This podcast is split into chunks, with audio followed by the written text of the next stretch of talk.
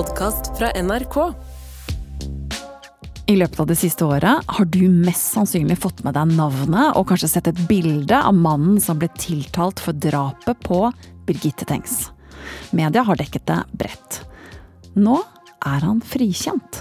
Forsvarerne hans mener han har vært utsatt for mobbing i media, og at true crime-bølgen har preget deler av dekningen.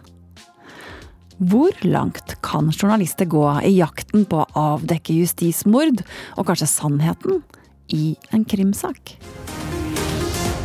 Jonny Vassbakk er fra i dag en fri mann etter at han ble frikjent for drapet på Birgitte Tengs. Frifunnet for straffekravet. Han har fått uh, bretta intime detaljer om sitt liv. Feiltrinn og dumme ting som han har gjort eh, for hele Norges befolkning, med bilde og navn. Han er identifisert for alle. Du lytter til Arena. Mitt navn er Jeanette Platou.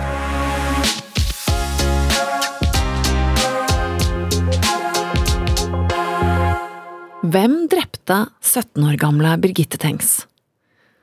Da en mann ble dømt for drapet i tingretten i februar i år, trodde mange at den nesten 30 år gamle saken endelig var løst. Men så. Jonny Vassbakk, som først ble dømt til 17 års fengsel av tingretten, ble frifunnet av lagmannsretten. Han er nå en fri mann og skal ses på som uskyldig. Nå mener forsvarerne hans at media ikke burde sagt navnet hans, eller vist bilder av ham og delt alle mulige intime detaljer fra hans liv. Og de er spesielt kritiske mot én journalist, Bjørn Olav Jahr, som i år har vunnet flere høythengende journalistpriser for å ha avdekket justismord i Baneheia-saken, og for å ha renvasket fetteren til Birgitte Tengs. Nå påstår forsvarerne at han gikk for langt i å ta stilling i skyldspørsmålet. Så i dag har jeg invitert Bjørn Olav Jahr til Arena. Velkommen. Tusen takk. En som også har levd tett på Tengs-saken i mange år, men dekket saken på en helt annen måte, er deg, redaktør i Haugesunds Avis, Einar To. Velkommen. Takk for det. Vi skal også høre fra den sterkt kritiske forsvareren om litt. Men først, Bjørn Olav Jahr, hvor stor del av livet ditt har Tengs-saken vært de siste årene?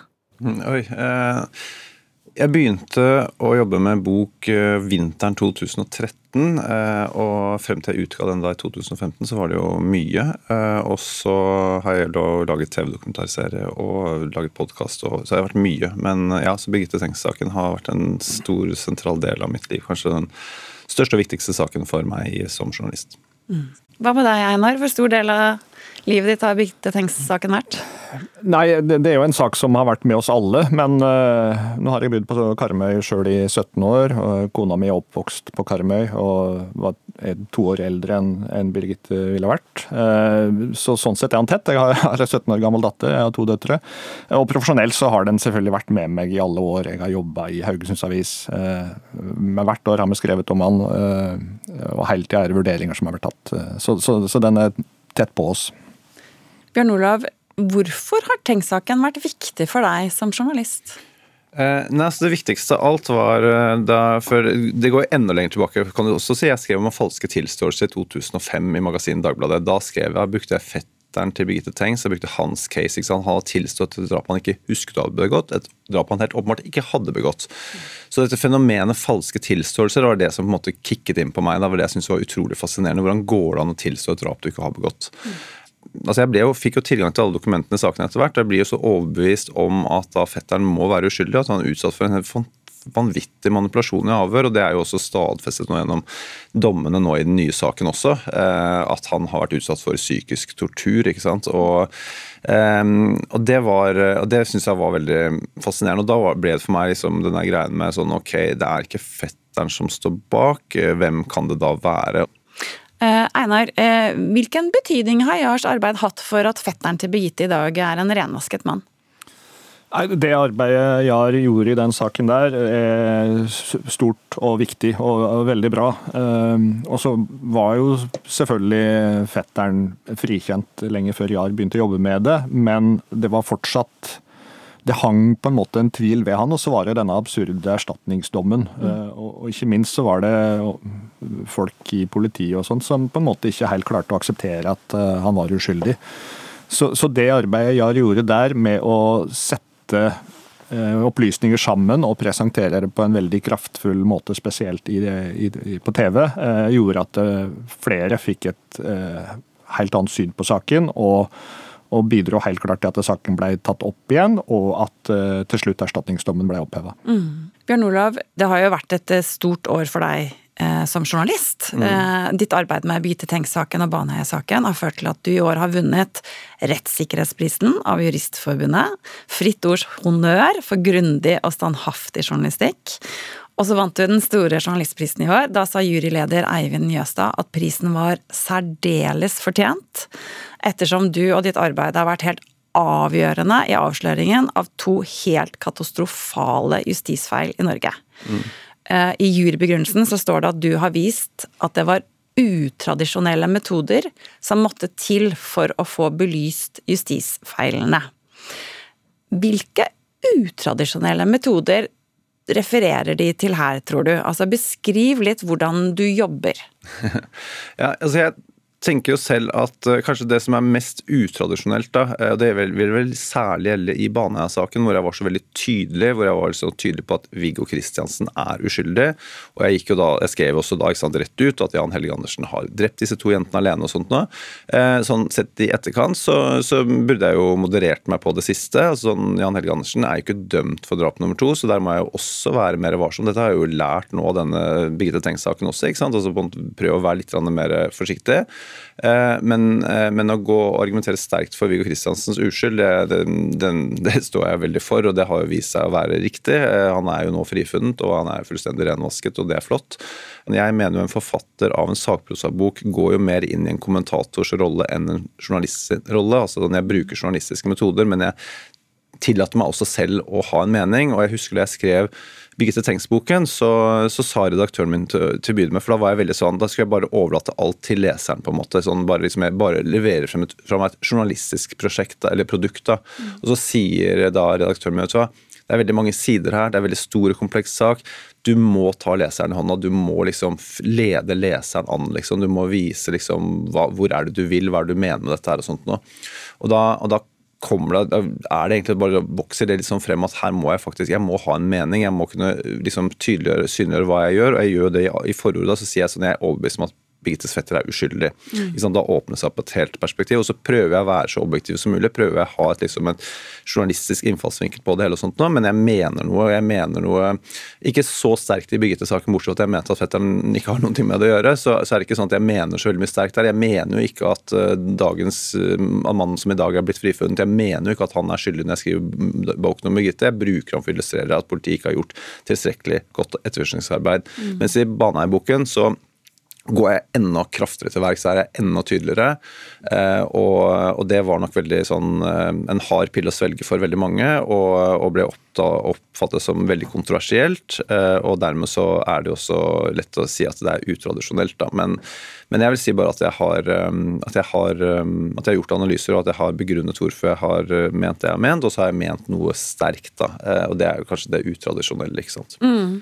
Men f.eks. i TV 2-dokumentaren 'Mannen som gikk fri', da sitter du jo utenfor huset til eh, den mannen som nå er frikjent, mm. Eh, og filmer der. Mm. Det er vel litt mer enn å bare si her har politiet gjort slett arbeid? Ja, ja det, det, er Jeg ser jo sånn Det jeg kommer til å gjøre nå, er at jeg kommer til å liksom evaluere meg selv. da, altså, Og hvor godt klarer jeg å gjøre det og sånt. ikke sant, altså hvor, hvor, hvor, hvor, grei vil jeg være med meg selv, eller hvor tøff vil jeg være med meg selv. Men jeg må jo se på alt hva jeg har gjort, alt jeg har produsert, og, og jeg ser jo at uh, at de um, to episodene som kom der, som heter 'Mannen som gikk fri', uh, som jo er blitt en veldig treffende tittel nå, uh, der, der, er jo der får jeg jo nok en for stor rolle. Jeg skulle gjerne sett at den rollen var litt mindre. Jeg skulle gjerne sett at jeg var litt mindre prosederende.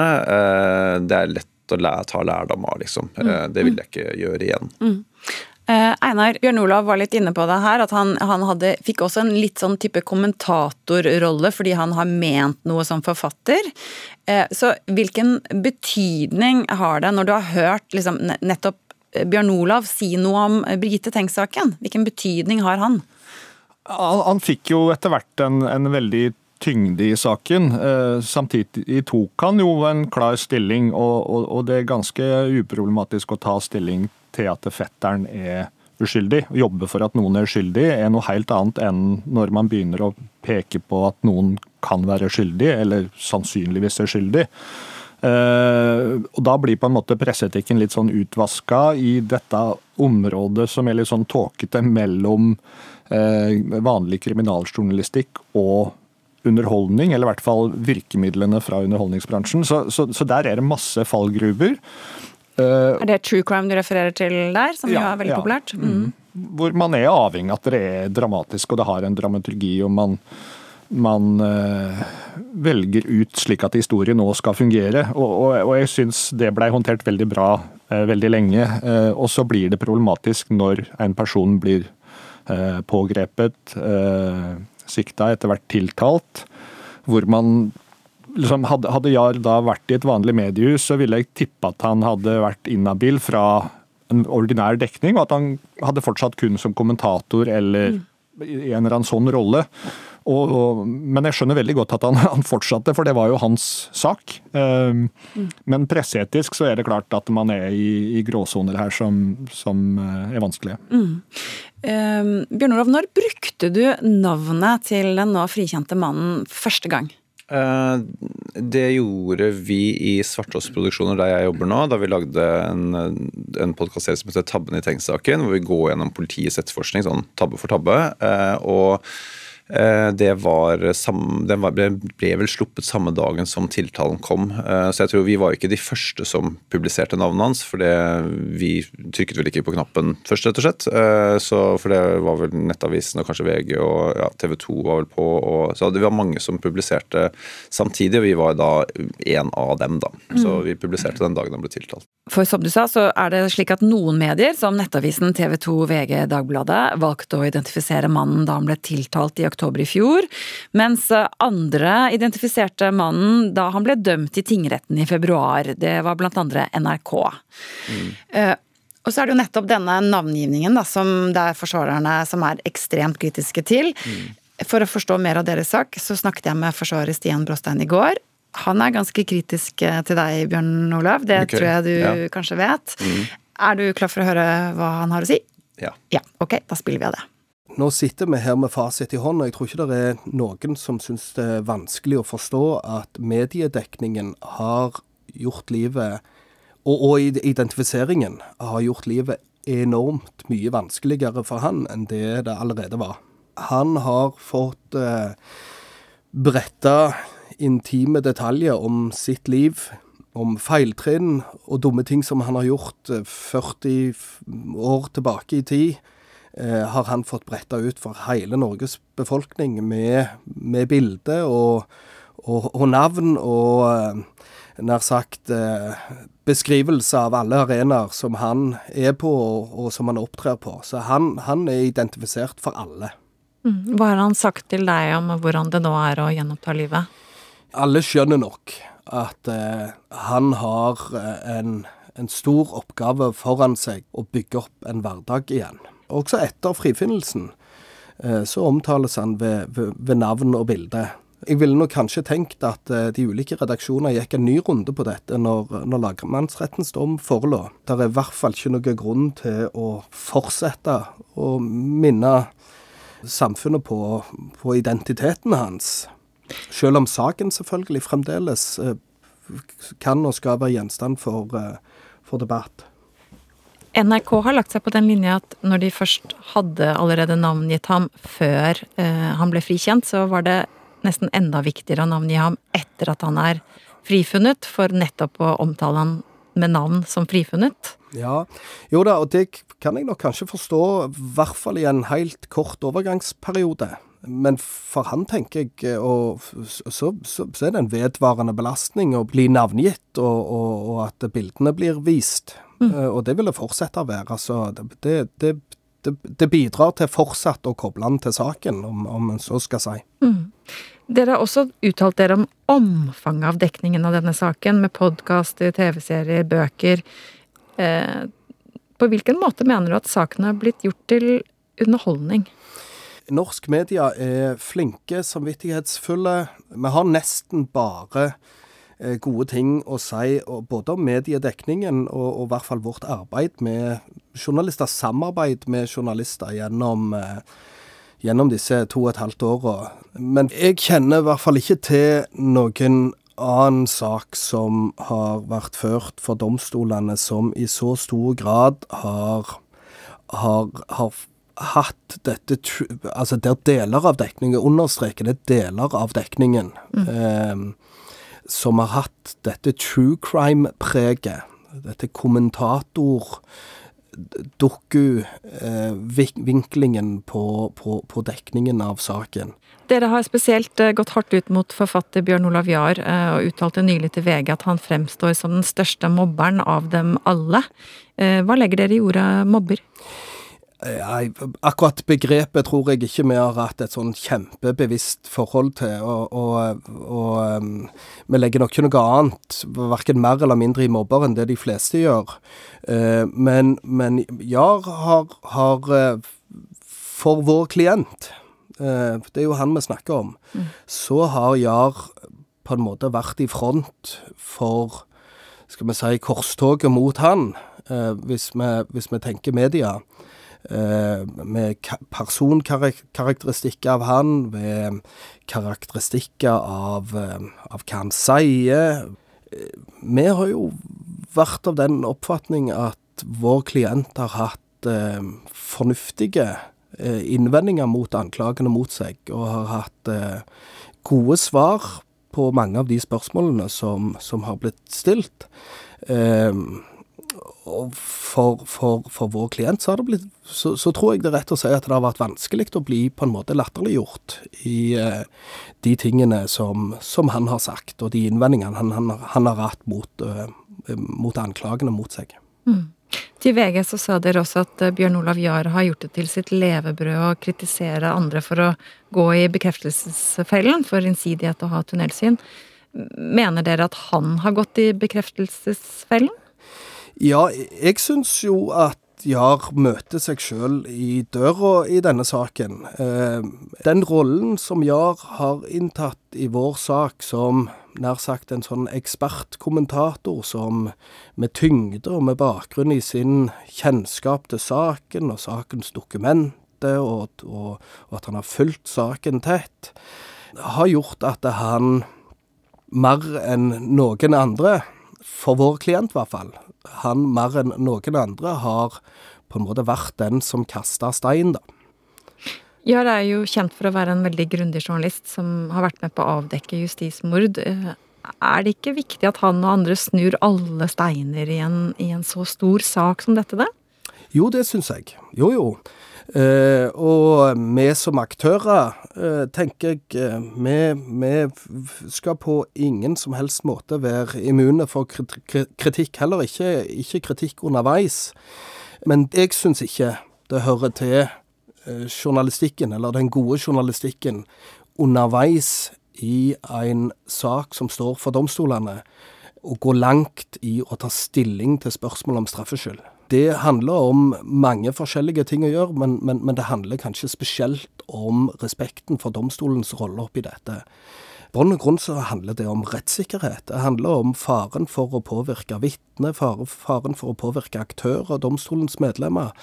Det syns jeg man skal være forsiktig i, og der tenker jeg Jar har trådt over. Vi mener, vår oppfatning er at Jar har trådt over ei grense ganske klart i denne saken. Bjørn Olav, forsvarer Stian Bråstein mener at du har trådd over en grense i denne saken. Hva tenker du om det han sier?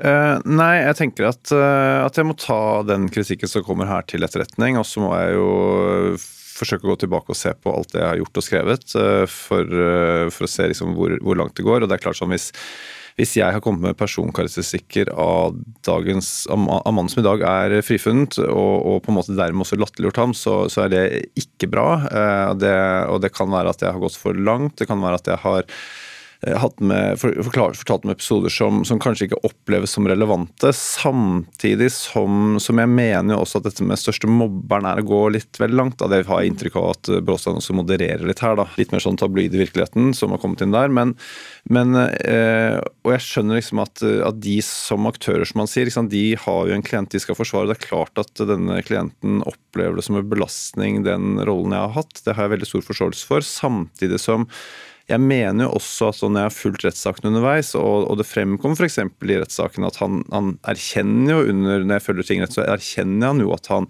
i sin tid ikke snakket sant for å slippe billigere unna når det gjaldt dette overfallet på psykologen. ikke sant? Det er sånn, det kan ikke jeg unngå å kommentere. Det mener jeg det er relevant, det er interessant. Det sier noe om hans troverdighet. Eh, ikke dermed sagt at det sier at han er gjerningsperson, men, men, det sier noe om at man må være varsom med hva han har å fortelle. Eh, og samme som når han eh, som jo også er brukt som en sånn altså Det kan være en åpenbar forklaring for hvordan denne oversmitten har skjedd. Så er det sånn, husker han en biltur tilbake som, som nå begynner å bli 28 år tilbake i tid. da, eh, og, og, Der er det jo vitnepsykolog inne og er liksom kritisk til hvordan man kan huske en tilfeldig haiketur hvis ikke det har noen betydning. og sånne ting, og, og liksom Måten jeg har omtalt det på, det tenker jeg er, det tenker jeg er analyse igjen. da. Mm. Uh, og, Men han antyder jo at du har gått veldig langt i å ta stilling mm. til, til, denne mannens eh, skyld. da. Mm, ja. Er du enig i det?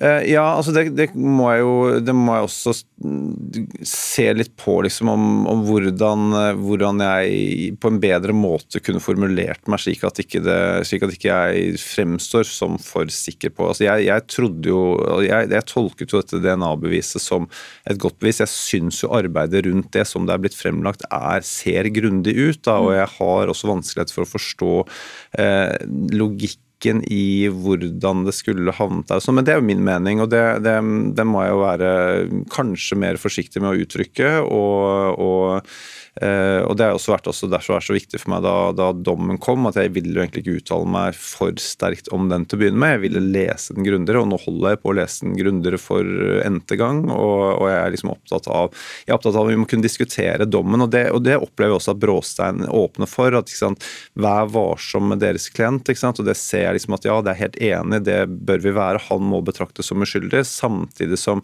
i og med at, uh, i og med at rettens flertall går så sterkt i angrep på politi og påtale i den nye etterforskningen og sier at de har gått i en bekreftelsesfelle, som jo Bråsand som at jeg har gått i, eh, så må jeg se liksom mer på sånn, hva er argumentene for den bekreftelsesfellen, hvorfor mener man det? og jeg det, det, det syns jeg er kanskje den mest spennende delen av, dom, av frifinnelsen å se på. da. Mm. Eh, hvorfor, hvorfor eh, lagmannsretten ender på den måten. Og de ender jo da også egentlig opp med vil jeg si, med å si at det samme om tingretten, da, som jo behandlet saken på en helt annen måte. da. Mm. Eh, ja.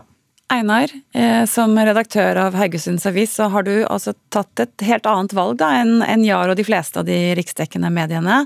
Eh, men det var ikke gitt at det skulle bli sånn at dere ikke identifiserte han med navn? Du, du ombestemte deg litt underveis. Hva var det som skjedde? Ja, eh, ved, ved tiltale så følte jeg det var ganske enkelt å ikke identifisere. Som ganske mange andre medier ikke gjorde. I og med at det var en sak hvor vi hadde lite kjennskap til bevisgrunnlaget og hvordan det ville holde. Eh, også ikke minst fordi det var en gammel sak og man var usikker på om man lot seg bevise. Og så fulgte jo med, med i tingretten. Um, og planen i utgangspunktet var å identifisere hvis han blei uh, dømt, funnet skyldig i tingretten. Uh, men vi og jeg fikk en litt dårlig magefølelse underveis. Uh, og den blei bekrefta i opplesning av den dommen, hvor vi var veldig usikre på om det her ville bli stående. Så vi var sikre på at saken ville bli anka, eh, og vi var usikre på om det her ville Eller vi så muligheten for et annet utfall i lagmannsretten. Så da ombestemte vi oss og valgte å fortsatt ikke identifisere. Ganske glad for det i dag? Ja, vi kommer jo godt ut av det. Eh, eh, og så skulle jeg jo ønske at diskusjonen hadde vært mer framme tidligere enn etterpå. Fordi at det nå eh, Som etterpåklokskap er jo veldig lett. Mens mm. Ja. Og, og, men jeg, jeg tenker òg det er fornuftig Eller det, det, er godt å se at mediene nå vurderer det her forskjellig. Eh, og det tror jeg kan være en aha-opplevelse for enkelte. Å se at det her er skjønnsmessige vurderinger som ikke er lette. Mm. Hvor det ikke er en fasit. Mm. Hvilken rolle spilte det at dere er lokalavisen eh, for Haugalandet, der mannen bor og, og drapet skjedde, da? Med tanke på identifisering så tror jeg ikke det var kjempeviktig. Eh, fordi at lokalt så visste jo de fleste som prøvde, og hvem det her var, eh, i utgangspunktet. Men jeg tror det at vi har vært så tett på den saken lenge og har kjent til en del av ryktene om denne personen og om andre personer, kanskje gjorde at vi var litt mer tilbakeholdne. Samtidig tror jeg en tydeligere forskjell er mer medienes karakter. De som identifiserte tidlig, var òg de mediene som på en måte lever mest av å ha rekkevidda og fortelle de dramatiske historiene. Og, og, da er det jo en god hjelp i å ha navn og bilde. Så, så, jeg har en litt sånn dårlig følelse av at noen kommersielle hensyn òg veier inn. Mm. Eh, du sier det var jo rykter om denne mannen, mange visste hvem det var snakk om uansett i lokalsamfunnet. Så hva har du å si da, om man skriver det navnet eller ikke? Nei, den, den, store forskjellen i, i, i, vår verden er jo at det er søkbart for evigheten. Eh, og selvfølgelig en voldsom ekstrabelastning å ha navn og bilde kobla til ikke bare tiltalen i seg sjøl, men òg alt som eh, kunne anta ville komme fram under rettssaken. Eh, mm. Det er masse detaljer der som ikke har noe med, med drapssaken å gjøre, som er liksom Det er mørkt, og det er pinlig, sannsynligvis. Eh, og, og, det å få kobla navnet sitt til det for evigheten, det, det er jo en kjempepåkjenning. Mediene selv begrunner identifiseringen med bl.a. at dette er en av norgeshistoriens mest alvorlige drapssaker, og at offentligheten hadde et berettiget informasjonsbehov. Har du forståelse for argumentene for identifisering? Ja, jeg har jo det. Eh, og så kan man jo diskutere om det er drapssaker som ikke er alvorlige, og liksom hvorfor denne er mer alvorlig enn andre. Eh, mm, og det at det er en veldig omtalt sak og en voldsom interesse og stor mediedekning, kan òg brukes andre veien. Eh, med å si at da skal man være ekstra varsomme med å identifisere en person. Men Eh, ved dom i, i tingretten, så, så, så syns jo jeg at det, det, er, det, er, gode argumenter for å identifisere der. Og så, og så blir det litt sånn eh, forskjellig skjønnsmessig vurdering som gjør at de er falt ned på en annen retning. Mm. Bjørn Olav, hvordan har det vært reisen din fra på en måte denne frifinnelsen kom nå, og så har du blitt intervjuet 18 ganger, eh, jeg har jo fulgt med. Mm. Flere som har spurt deg liksom, hva, hva, sier du nå, angrer du, ikke sant. Mm. Hvor er du nå i dag i hodet ditt, kontra hvor du var rett etterpå? da? Har det skjedd noe i hva du tenker selv om din rolle i løpet av de siste dagene?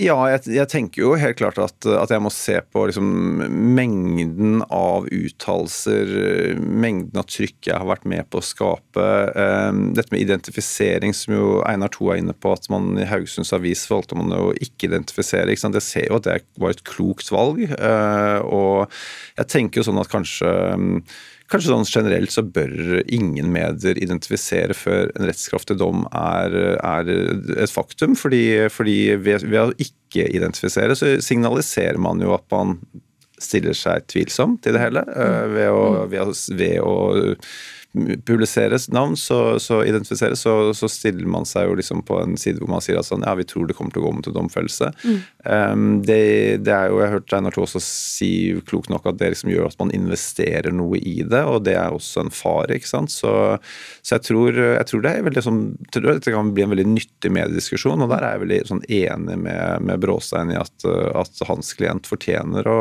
å, å ikke bli identifisert. Mm. Dette er jo altså den andre frifinnelsen i Tengs-saken. Eh, den eh, såkalte fetteren eh, ble først dømt i tingretten, så frifunnet. Han har aldri blitt navngitt i norsk presse. Hva hadde skjedd, Einar, om fetteren ble identifisert? Nei, det, det, hadde jo selvfølgelig økt belastninga. Han, han flytta jo fra landet og og bygde opp et liv et annet sted, eh, men kom tilbake og Det var jo en kjent sak der om at han fikk et eh, jobbtilbud som ble trukket når de fant ut hvem han var. Og den type ting blir jo enda mer sterkt når man er identifisert. Eh, og jeg tenker jo òg at alle mediene er glad for at han ikke ble identifisert. Det er nesten utrolig at han ikke ble det. Han var selvfølgelig yngre. Ehm, men hvis man ser på Baneheia-saken òg, så, så, var man jo relativt kjapp med å identifisere der. Og her var det jo Man visste jo ikke den gang at den tilståelsen var falskt og, og manipulert fram. Så, så, sånn sett så var det Ja, jeg, jeg frykter at han hadde vært identifisert av mange medier i dag. Jar, hva tenker du? Eh, Jeg tenker at jeg er helt enig at det var veldig veldig bra at fetteren ikke ble identifisert. Og så er jeg jo delvis enig med Einar Toe i at uh, altså, da han ble tiltalt, så helt åpenbart han var ung. Uh, uh, veldig riktig at man ikke identifiserte. Og så ble han jo dømt i herresretten, og der kan man jo stille seg spørsmål liksom, hvorfor ble han ikke da identifisert. Men da har det jo også kommet frem, for du snakker om denne tilståelsen, da har det også kommet frem under de rettsforhandlingene at politiavhørene ikke har vært spesielt etisk gode, da, kan du si, mm, mm. Eh, for å si det mildt.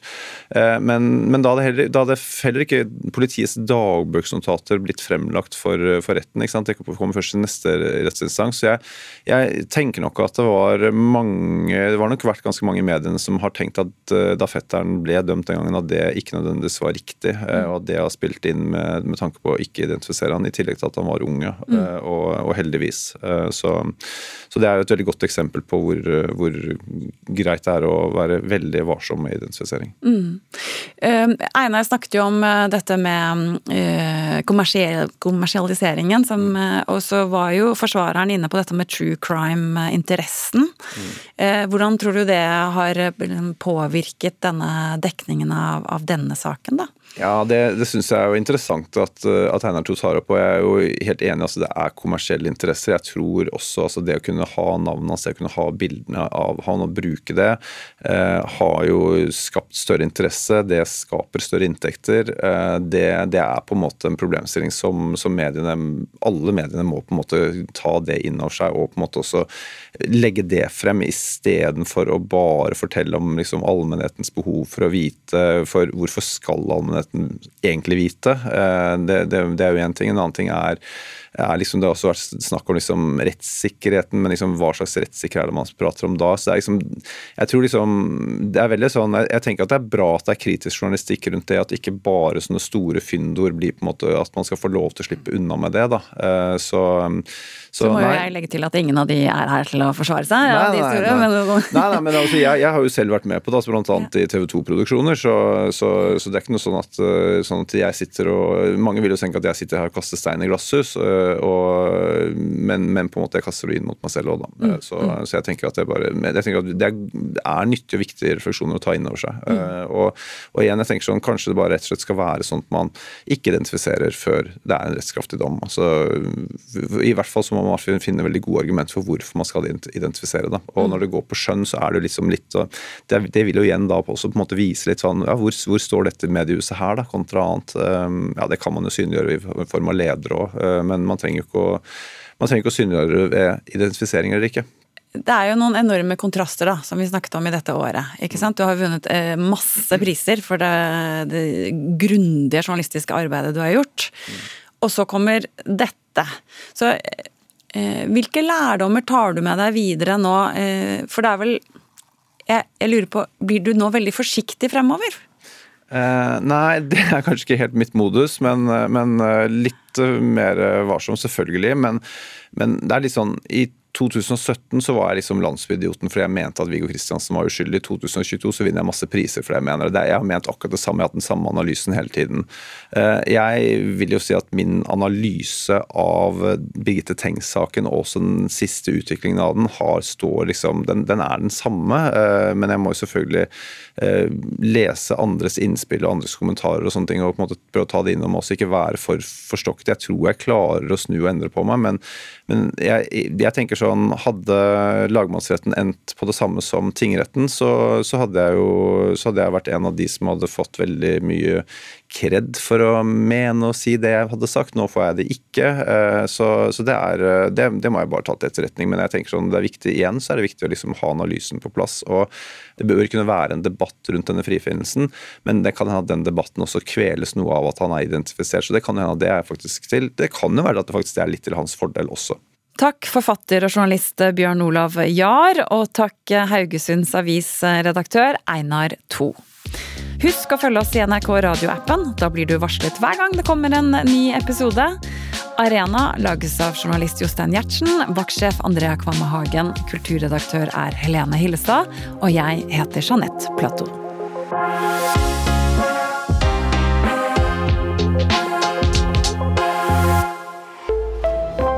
Podkast fra NRK.